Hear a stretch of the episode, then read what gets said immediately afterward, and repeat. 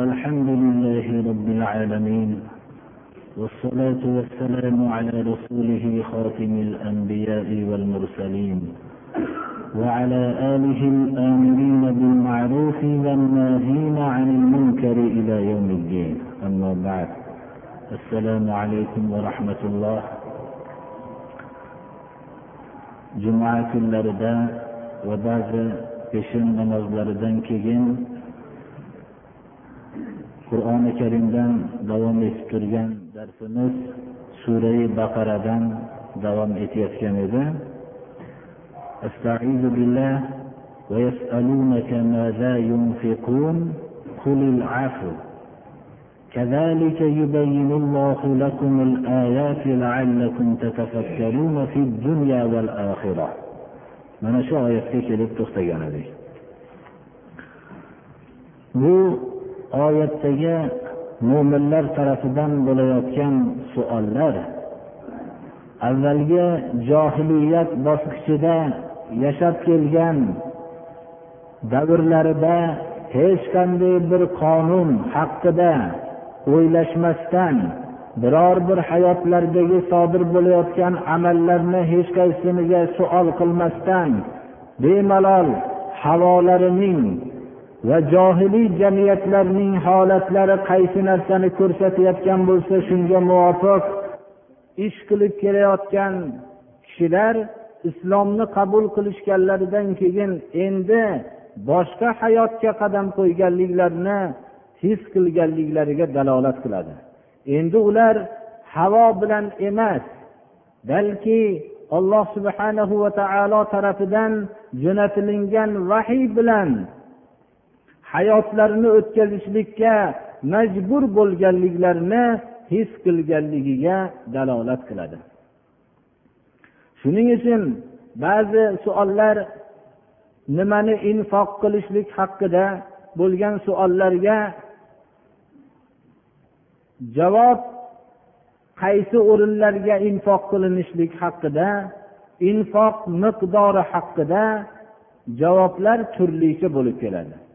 Yetimlar haqida savol qilishlik butun umrini yetimlarga zulm qilishlik bilan o'tkazgan kishilar islomni qabul qilishlik bilan endi yetimlar haqida qanday munosabatda bo'lishlikni ular suol qilishib ularga nisbatan qanday munosabatlarda bo'lishlikni suol qilganliklari endi ularning qalblarida iymon ruhini jo'sh urganligiga dalolat qiladi.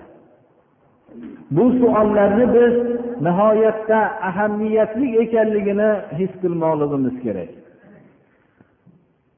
Mana bu oyat kalimada ashobi ikromlar janobi rasululloh sollallohu alayhi vasallamdan nima narsalarni infoq qilish haqida suol qilishyaptilar. Alloh taolo bayon qilyaptiki bu savolni sizdan ey muhammad alayhissalom nimani infoq qilishlik haqida suol qilishadi? Javobiga siz o'zining ehtiyojotlaridan oshib qolgan narsani infoq qilishlik haqida fatvo bering.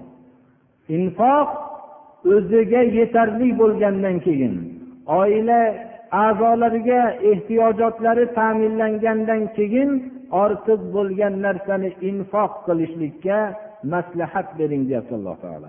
Qulil afl afl ziyoda narsani aytamiz.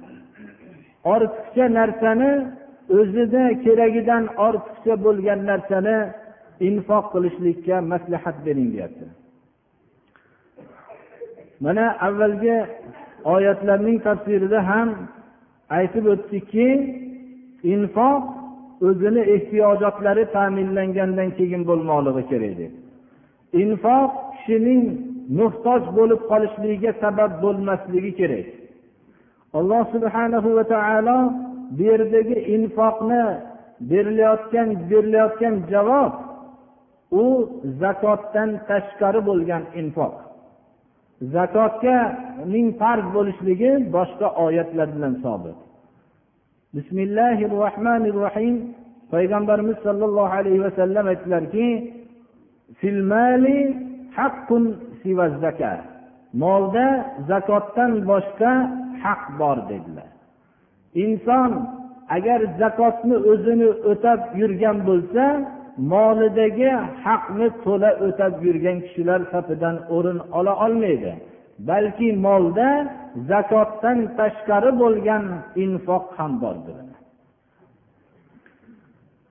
Lekin bu infoqni ehtiyojotlar ko'rganda sarf qiladigan kishilar faqat dunyo haqidagina fikr qiladigan kishilar bo'lmaydi.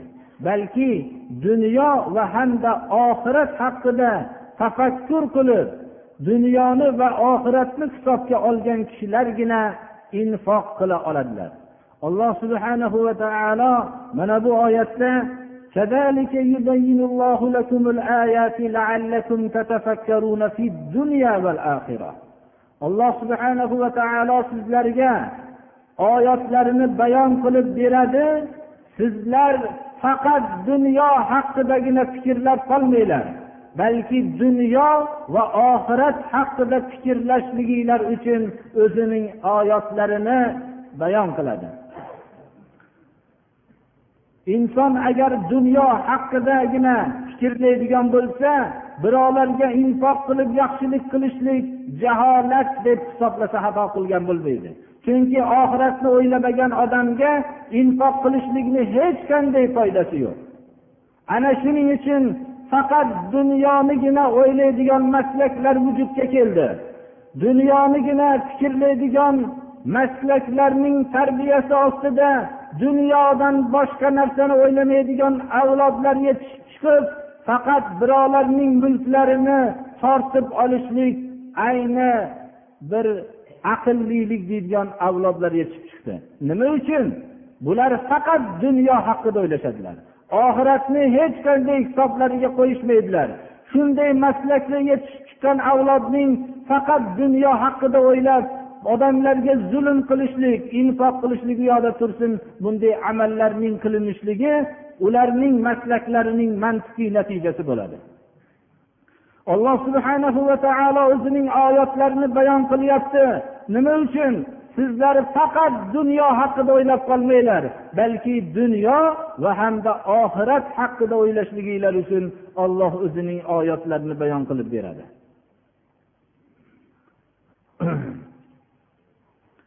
Inson o'zining tarozisi qilayotgan amallari faqat dunyo hisobi bilan bo'lmasligi kerak.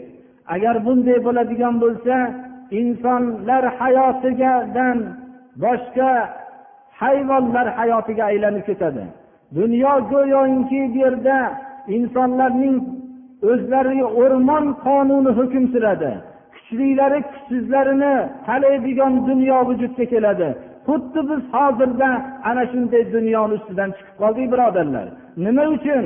Buning natijasi shu bo'ldiki biz faqat dunyo haqida fikrlaydigan maslakda ulg'aydik. Mana bu oxiratni hisobga olmaydigan balki oxiratga bo'lgan e'tiqodni masxara qiladigan maslakda voyaga yetganligimiz uchun biz mana shunday achinarli holatda qoldik. Alloh subhanahu va taolo oyatlarni bayon qilyapti bizlarga faqat dunyo haqida o'ylab qolmasligimiz uchun balki dunyoyu oxirat haqida o'ylashligimiz uchun oyatlarni bayon qilyapti. Ana dunyo va oxirat haqida birga fikr qila olsa unda insondan boshqa suollar ham paydo bo'ladi. Islomiy jamiyat asosi ijtimoiy birdamlik. Islomiy jamiyatda biror bir zaiflar chetda qolmaydi. Ana johiliyat davrida faqat yetimlarni molini talon taroj qilib yetimlarniga pulni foydaga berib pulni foydasini vaqtida o'tolmagan vaqtda yetimlarni qul qilgan johiliy jamiyatdan islom jamiyatiga o'tgan zotlar endi yetimlarga nisbatan qanday munosabatda bo'lishligini janobi rasululloh sollallohu alayhi vasallamdan savol qilardilarki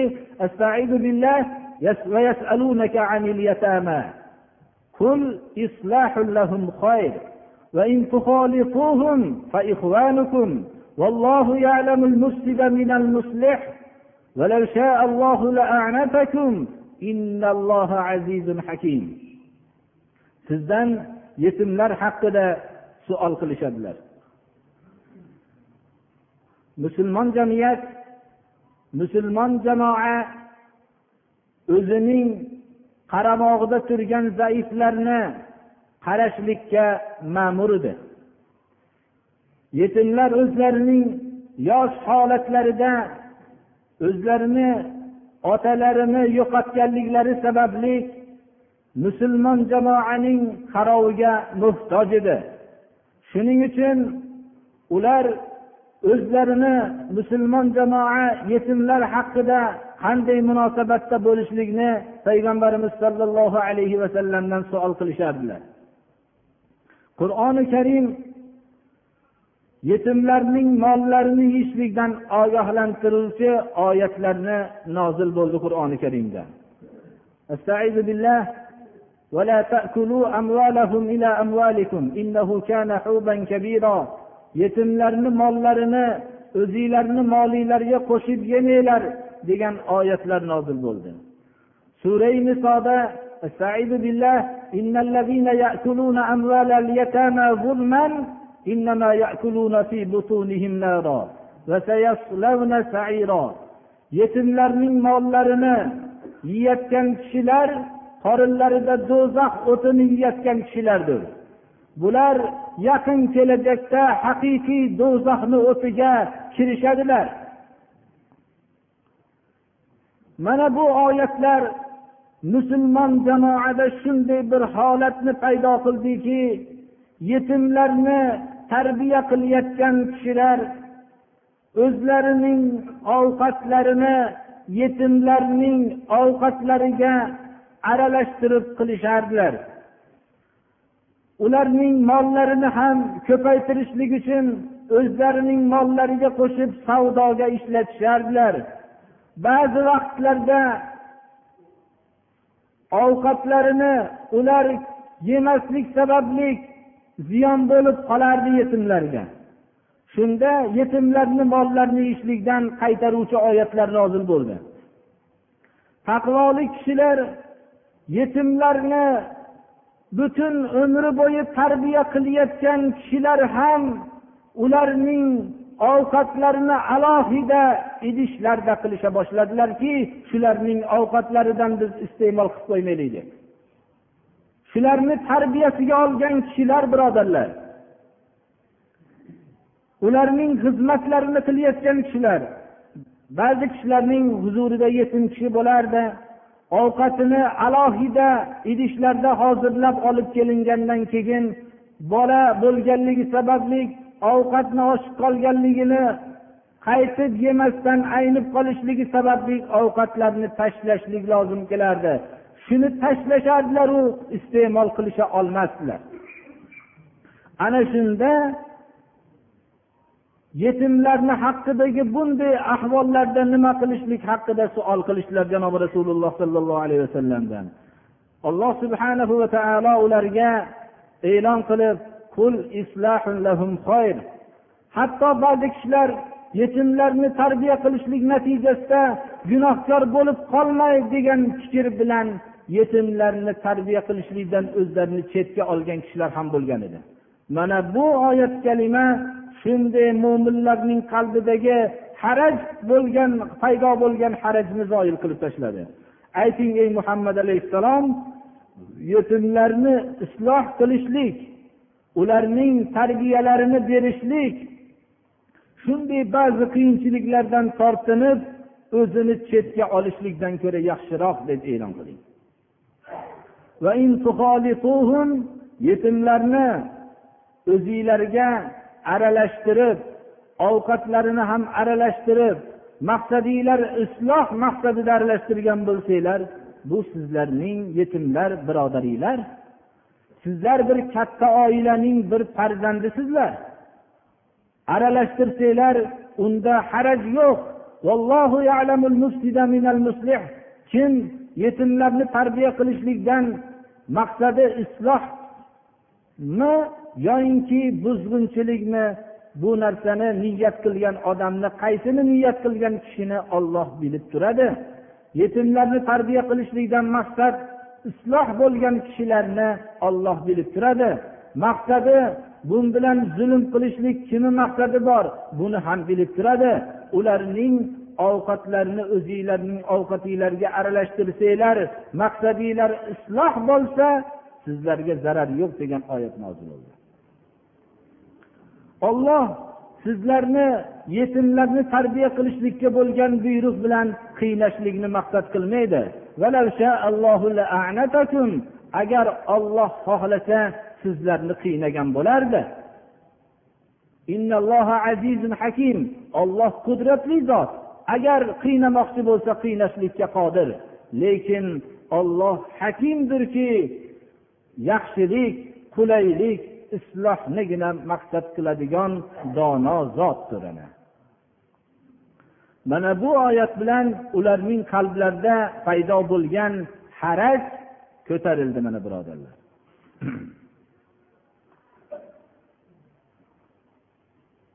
Yetimlarni tarbiya qilishlikka bog'liq bo'lgan oyat munosabati bilan islomdagi oila haqida bo'lgan oiladagi sodir bo'ladigan ahvollar bularni bayon qiluvchi qur'oni karimda dars boshlanadi. Bugungi hozir o'qib beradigan oyatdan tortib vallohu alam yana bir ikki varaqcha muddatda inshaalloh keyingi jumalarda ham shu darsni davom ettiramiz. Oiladagi bo'lgan ahkomlar ahvollarni o'z ichiga oladi. Oila islomda insoniyat binosining qo'yiladigan birinchi g'ishti hisoblanadi. Boshqa maslaklar oilani inkor qilib kelgan edi. U inkorni maxfiy qilib tutib kelingan edi.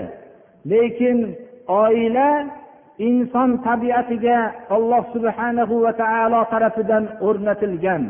Buni hech qanday hech qanday odamlar bunday oila tabiatini insonlarga o'rnagan tabiatni yo'qotishlikka qodir emas. Alhamdulillahi robbil alamin oila insonlar tabiatidagi mahkam bir tabiiy bir his tuyg'u bo'lib qolib kelmoqda.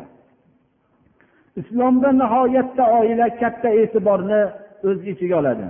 Mana bu oila birinchi nikoh bilan boshlanadi. nikohda qur'oni karim kimlar bilan nikoh durust emas ekanligi va qanday toifalar bilan nikoh mumkin emas ekanligini boshlashlik bilan shu oyat davom etadi bismillahi rohmanir rohim ولا تنكحوا المشركات حتى يؤمن ولأمة مؤمنة خير من مشركة ولو أعجبتكم oilani birinchi tashkil qilishlik nikoh bilan boshlanadi. Alloh subhanahu va taolo bu oyatda mushrika ayollarni iymon keltirishmasa nikoh qilishlikdan qat'iy suratda man qilyapti. Dunyodagi eng katta gunoh shirkdir. Mushrika bo'lgan ayol bilan turmush qilishlikni qur'oni karim man qilyapti. Ular sodiq iymon keltirmaguncha nikohi durust emas deyapti. Musulmon jamoaning avvali makka mukarramada u yerdagi sharoit ijtimoiy holatda birga yashashib borishardilar. Lekin ulardan ruhan tamomiy ajralgan holatda musulmonlar yashashardi. Ijtimoiy holatda ham ajralishlikka ana shu vaqtning sharoitlari imkoniyat bermasdi. Shuning uchun musulmonlar bilan mushriklar o'rtasida eski vaqtda davom etib kelgan nikoh hijratning oltinchi yiligacha davom etib keldi. Hijratning oltinchi yilida ba'zi oilalarda mushrika ayollar bilan turmush qurgan musulmonlar ham bor edi. Hijratning oltinchi yilida hudaybiya sulhi sodir bo'lganda surai mumtahinada billah يا أيها الذين آمنوا إذا جاءكم المؤمنات مهاجرات فامتحنوهن الله أعلم بإيمانهن. فإن علمتموهن مؤمنات فلا ترجعوهن إلى الكفار. لا هن حل لهم ولا هم يحلون لهن pokiza mo'mina ayollar dinsiz kishilarga halolmas degan oyat nozil bo'lgandan keyin hijratning oltinchi yilidan keyin mo'mina ayollar hammasi dinsiz kishilardan hammasidan judo bo'lishdilar. Alloh subhanahu va taolo mana bu oyatda mushrika ayollarning nikohi mo'minlarga durust emas ekanligini e'lon qilyapti. Hatto iymon keltirmaguncha.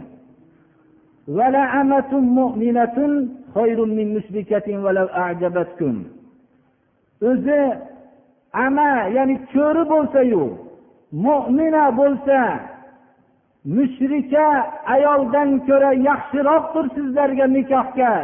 Agarki bu mushrika ayol sizlarni ajablantirsa husni uning ko'rinishlari sizlarni ajablantirgan bo'lsa ham mo'mina ko'ri ayol sizlarga yaxshiroqdir nikohga deyapti islom mana bu oyat bilan insonning qalbidagi g'ariza tabiatning mushrika ayollar ham uning ajablantirishligi mumkin ekanligini tan olyapti. Lekin u ajablanishlikka itoat qilib ketishlikdan qaytaryapti mo'mina bo'lgan cho'ri bo'lsa ham bu mushrika hurra ayoldan ko'ra afzalroqdir yaxshiroqdir deb e'lon qilyapti ولا تنكحوا المشرك ولا تنكحوا المشركين حتى يؤمنوا mushrik bo'lgan kishilarni iymon keltirmaguncha ularga muslima mo'mina ayollarni nikohlamanglar deyapti. Musulmon kishilar bu yerda mushrika bo'lgan ana mushrik bo'lgan kishilarni mo'mina ayollarni ularga berishlik mutlaqo durustemas bo'lyapti bu narsa.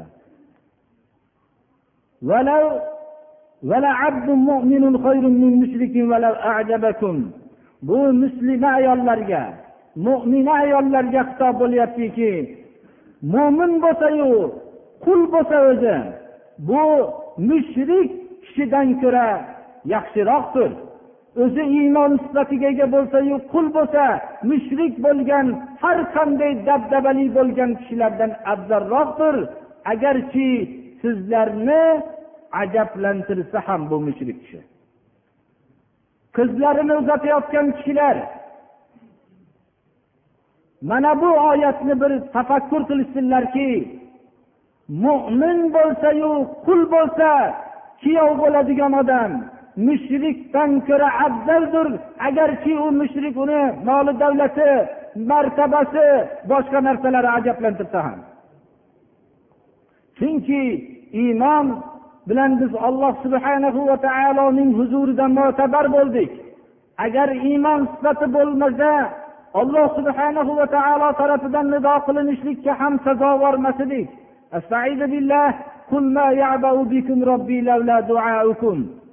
ayting ey muhammad alayhissalom robbim sizlarni e'tiborga olmaydi agar iymoninglar bo'lmasa deng. Iymon sifati bilan ollohni e'tiboriga kirdik. Ana bu iymon sifati bo'lmasa mo'min kishining qalbida ham unday odamning e'tibori bo'lmasligi kerak. Qur'oni karim o'zlarini qizlarini singillarini uzatayotgan kishilarga mana bu xitob qilib va o'zlari turmush qilayotgan ayollarga xitob qilib mo'min bo'lsayu qul bo'lsa u mushrikdan yaxshiroqdir.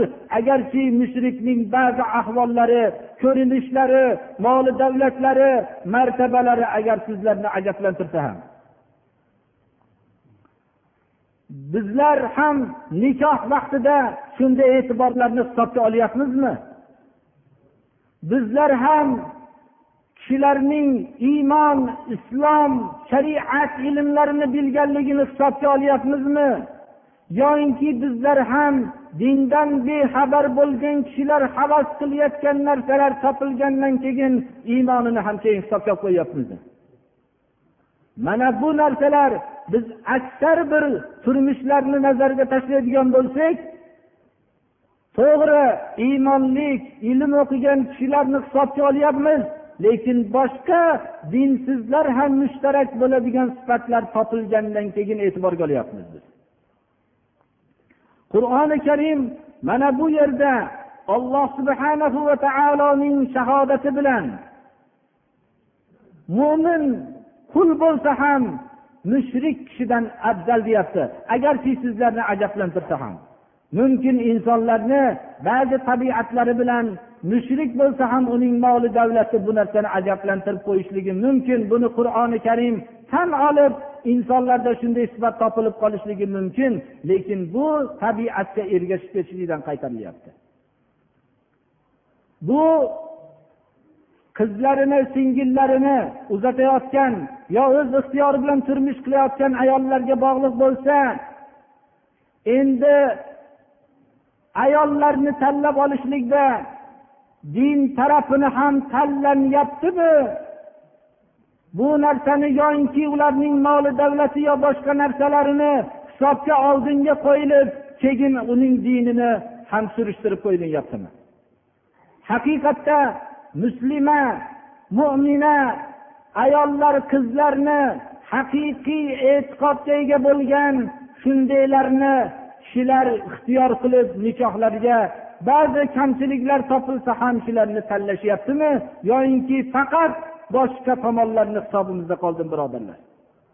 Qur'oni karim cho'ri bo'lsa ham iymon sifatiga ega bo'lsa sizlarni ajablantirgan mushrika ayollardan afzal ekanligini olloh guvohlik beryapti birodarlar.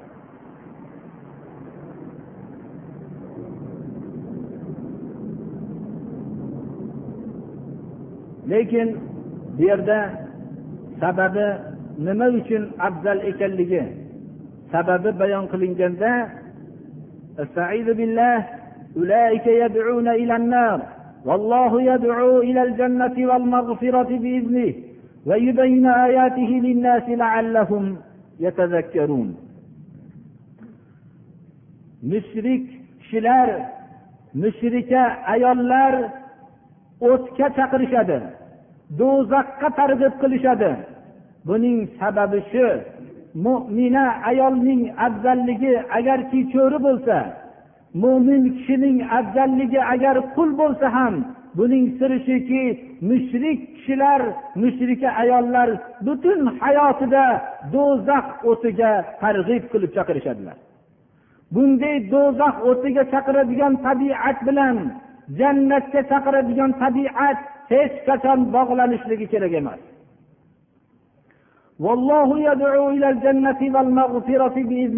Olloh jannatga chaqiradi. Gunohlarning mag'firatiga chaqiradi o'zining izni bilan. Alloh subhanahu va taolo oyatlarini odamlarga bayon qiladi. Odamlar bundan tafakkur qilib eslab shundan ibratlanib qolishliklari uchun. Oyat kalimasi nihoyatda bir diqqatga sazovorki olloh o'zining oyatlarini odamlarga bayon qiladi. Bunday oyatlarni eshitib ta'sirlanmagan kishilar odamlik insonlik xususiyatidan chiqib ketgan kishilar olloh o'zining oyatlarini odamlarga bayon qiladi deganga ishora bo'lyapti birodarlar. Ana mushrika ayollar mushrik kishilar do'zax o'tiga chaqiradi. Hayotida hamma narsa noto'g'ri yo'lga chaqiradi. Bolalarini noto'g'ri yo'lda tarbiyalaydi. Biz shu bilan birga surai moidadagi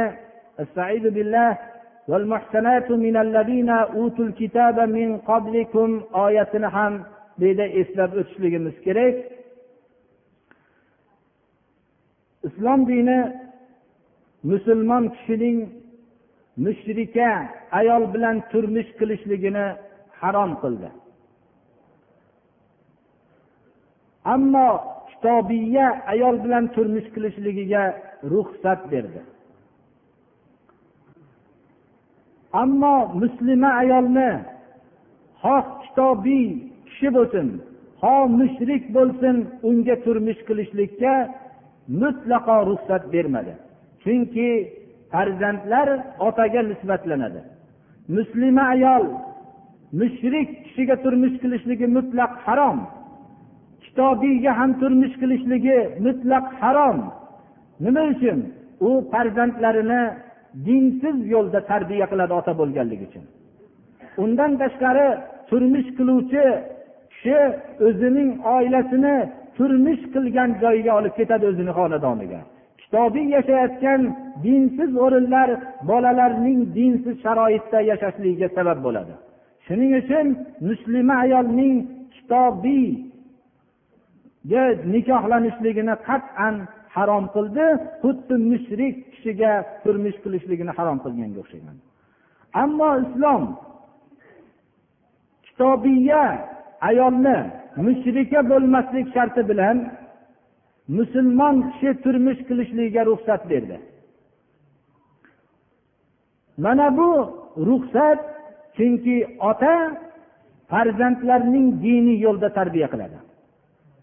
Asli aqidada kitobiya bir bo'lganligi uchun allohga e'tiqod qilishlikda bir bo'lganligi uchun shirk kasaliga giriftor bo'lmaganligi uchun ularga ham dini islomning ta'siri shu oila qurishlik bilan o'tishligi uchun islom dini ruxsat berdi.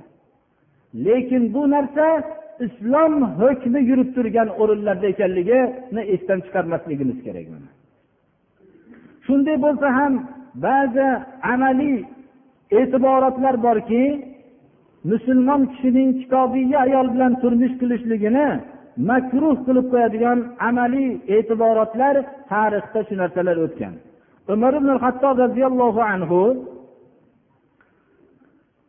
rivoyat qilinadiki روي أن حذيفة تزوج يهودية فكتب إليه عمر خل سبيلها فكتب إليه أتزعم أنها حرام فأخلي سبيلها قال لا أزعم أنها حرام ولكن أخاف أن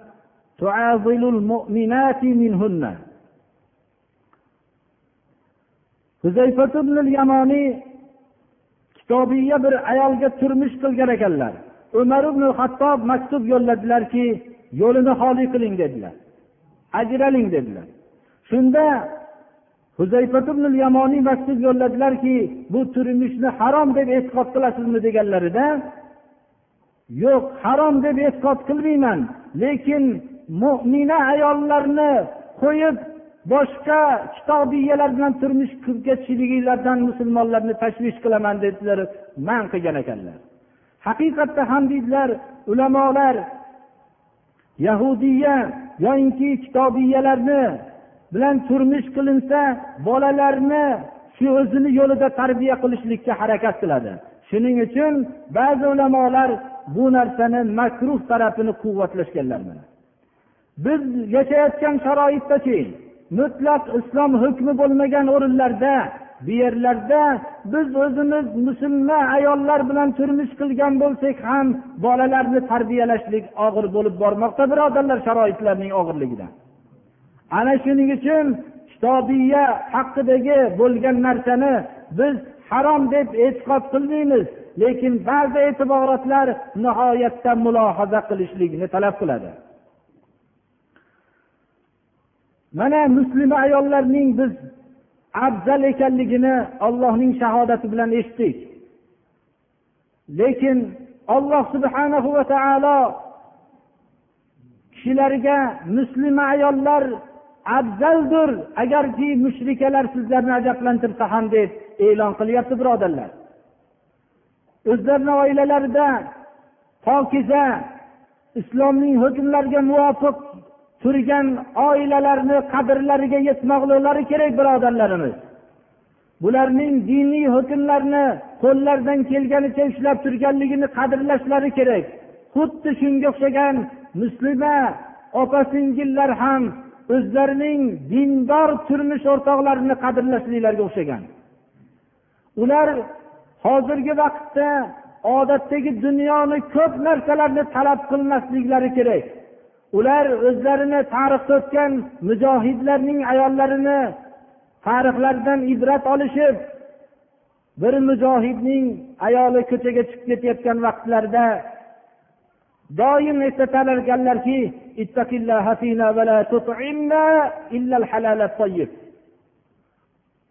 turmush o'rtoqlariga shu ayol aytar ekan ayollar quloqlarini ochib turishsin shu so'zga. Ular ham shu ayollarga o'xshashlikka harakat qilishsinlar ollohdan bizni haqqimizda qo'rqing der ekanlar. Bizga faqat haloli toyib ovqat ko'tarib keling der ekanlar. Bizga bu narsani olib keling demas ekan. Bizga u narsani olib keling demas ekan. Bizga dunyoning ziynatlarini olib keling demas ekan. Bizga faqat haloli toyibni ko'tarib keling der ekanlar. Har ko'chaga chiqib ketayotganlarida mana shu kalima bilan o'zlarining turmush o'rtoqlariga xitob qilar ekanlar. Alloh subhana va taolo mana bunday opa singillarimizni e'tiqodga ega qilsin va muslima mo'mina bo'lib uyda o'tirib islomning hukmiga muvofiq qanday yashaymanikin deb o'ylab yashayotgan bu oilalarini qadriga yetadigan qilsin bizlarni ham. Ba'zi xususlarda kamchiliklari bo'lsa ularni hisobga olmasdan shularni muslimaligi mo'minaligini hisobga oladigan kishilardan qilsin. Mushrika ayollar ajablantirib shularning orqasidan ketib qolishlikdan olloh saqlasin. Xuddi muslima mo'mina ayollarni ham o'zlarining turmush o'rtoqlarining ba'zi dunyoviy kamchiliklari bo'lishligini hisobga olmasdan mushrik kishilarni havas qiladigan bo'lishlikdan opa singillarimizni saqlashligiga o'xshagan. Otalarni ham qizlarini uzatayotganda akalar singillarni uzatayotganda o'zlari iymon islomni hisobga oladigan kishilardan qilsin bizlarni va bu yerdagi opa singillarni ham o'zlariga xaridor bo'lib kelib sovchi jo'natgan kishilarning faqat iymoni islomini birinchi ko'radigan kishilardan qilsin ularni ham اهدنا الصراط المستقيم صراط الذين أنعمت عليهم غير المغضوب عليهم ولا الضالين الله أكبر alloh taolo parvardigoro bizni to'g'ri yo'ldan chiqarmasin allohu akbar. Xususda nima qilgan ekan. Bir kishi bir duo talab qildilar. Bir toliba qiz ham bir duo qilingki meni ham bir din islomga xizmat qiladigan kishilardan qilsin deb qildilar. Alloh subhanahu va taolo shunday din islomga xizmat qiladigan kishilar ayollardan qilsin va baxt saodatli qilsin. Islomni butun ayollarga tarqatadigan shularga tushuntirib hozirgi masalalarni ham onglariga singdiradigan ayollardan qilsin